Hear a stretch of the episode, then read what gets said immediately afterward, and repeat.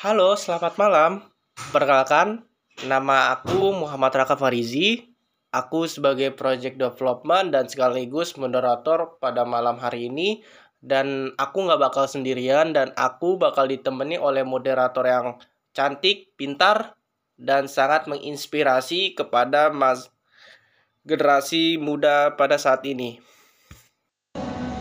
Halo semuanya, perkenalkan aku Leoni. Saat ini aku kuliah di Universitas Bakri memasuki semester 2 Hubungan Internasional dan aku juga merupakan seorang college student yang menaruh perhatian lebih pada lingkungan dan pendidikan di Indonesia. Salam kenal ya.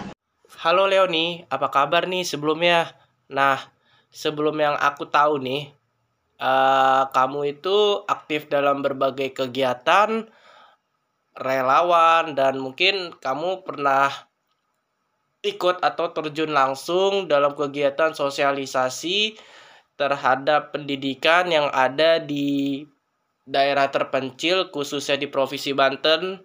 Dan mungkin aku juga kenal kamu di Instagram maupun beberapa platform. Dan aku juga kenal beberapa teman kamu dan kebetulan Jovana ini salah satu kerabat dari Save Indonesia nih, Leoni.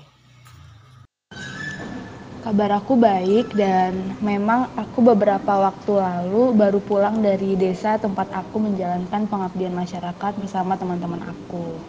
Oke Leoni, uh, ini pertanyaan yang ingin aku tanyakan sebenarnya saran yang harus dilakukan terhadap pendidikan Indonesia yang kurang merata dan apa sih pandangan kamu mengenai uh, perbedaan pembelajaran saat di perkotaan dan perbedaan saat di pedesaan dan mungkin menurut aku uh, ini sangat tertarik banget loh dan aku juga excited semua yang kamu lakukan itu sumpah keren banget dan apa sih uh, kendala yang dihadapi oleh para pelajar yang di sana dan mungkin kepada pendidik juga begitu.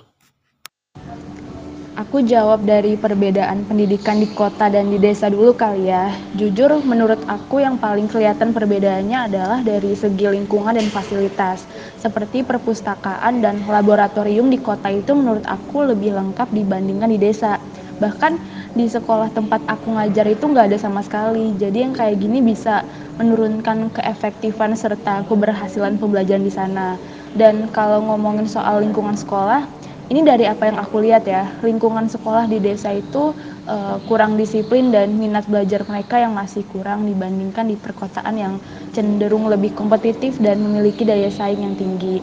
Ini mungkin kurangnya sarana dan prasarana di desa jadi pendidikannya itu cenderung berjalan lebih lambat dan untuk kendala yang aku hadapi dengan teman-teman aku jujur nggak banyak kendala yang aku dan tim aku rasain karena emang dari anak-anaknya juga cukup aktif. Maksudku ya mereka sangat responsif di setiap kami ngajar dan emang guru-guru di sana juga mendukung kegiatan kami. Bahkan mereka tuh yang kayak ya kenapa cuma seminggu? Biasanya mahasiswa itu sebulan loh gini gini gini tapi kan kami di sini bukan KKN ya ini emang kegiatan di luar kampus yang kami handle sendiri gitu uh, paling ini sih tapi nggak tahu juga ini kendala atau bukan. Anak-anak yang udah bisa baca dan yang belum bisa baca walaupun mereka sekelas itu pasti kelihatan banget. Nah di sini gimana caranya aku dan tim aku itu bisa memberikan sedikit pengetahuan yang kami punya secara merata gitu setara tanpa adanya gap buat mereka. Memang pendidikan yang belum merata ini masih menjadi salah satu isu yang hangat di Indonesia. Misalnya di sekolah tempat aku ngajar itu hanya mengandalkan sarana dan prasarana yang seadanya banget. Sedangkan mungkin kalau di kota-kota besar pasti udah maju banget kan. Dan bukan hanya sarana dan prasarananya aja yang kurang, tapi tenaga pengajarnya juga masih kurang. Jadi mungkin saran yang bisa aku berikan adalah perencanaan tenaga pengajar setiap tahunnya itu harus jelas dari tingkat kabupaten sampai nasional sehingga kita tidak akan kekurangan tenaga pengajar.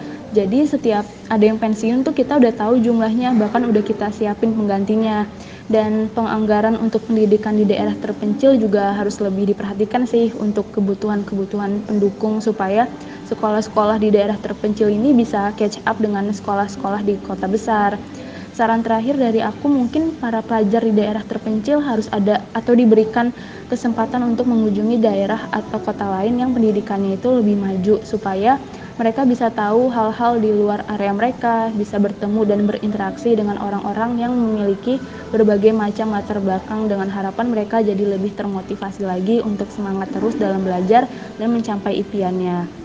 Karena kita semua di sini setuju ya kalau pendidikan itu hak manusia, apa pun gendernya dan bagaimanapun latar belakangnya, setiap orang berhak mendapatkan pendidikan yang layak. Gitu sih. Boleh kamu ceritakan nggak awal kamu daftar di volunteer dan apa yang membuat kamu itu sangat tertarik banget dengan pendidikan dan apa harapan kamu terhadap pendidikan yang ada di Indonesia tentunya? Dan apa harapan kamu terhadap generasi muda pada saat ini awal aku daftar sebagai relawan itu pertamanya aku ngeliat postingan dari Ed mengajar desa yang kebetulan masuk ke explore Instagram aku terus ya udah aku coba daftar aja dan jawab beberapa pertanyaan dari mereka. Nah, alhamdulillahnya keterima jadi relawan di sana, tepatnya di Provinsi Banten. Dan yang membuat aku tertarik pada pendidikan di Indonesia adalah karena aku sadar peran anak muda itu sangat dibutuhkan terutama di sektor pendidikan karena kan kita nih yang akan menjadi generasi penerus bangsa dengan melakukan perubahan-perubahan positif serta dengan adanya peran dari generasi muda yang signifikan itu menurut aku bisa uh, menjadi langkah awal untuk Indonesia supaya menjadi lebih maju di masa yang akan datang. Harapan aku untuk pendidikan di Indonesia adalah semoga pendidikan yang layak atau berkualitas dan menyenangkan pastinya dapat diakses oleh seluruh anak bangsa di Indonesia. Karena bagi aku, uh, pendidikan itu bisa mengubah kehidupan seseorang dan solusi dari berbagai masalah yang kita sedang hadapi. Dan harapan aku untuk generasi muda adalah aku berharap semakin banyak anak muda yang terampil, selalu ingin belajar hal-hal baru karena belajar itu kan lifelong proses ya, bukan cuma sampai lulus sekolah atau kuliah aja.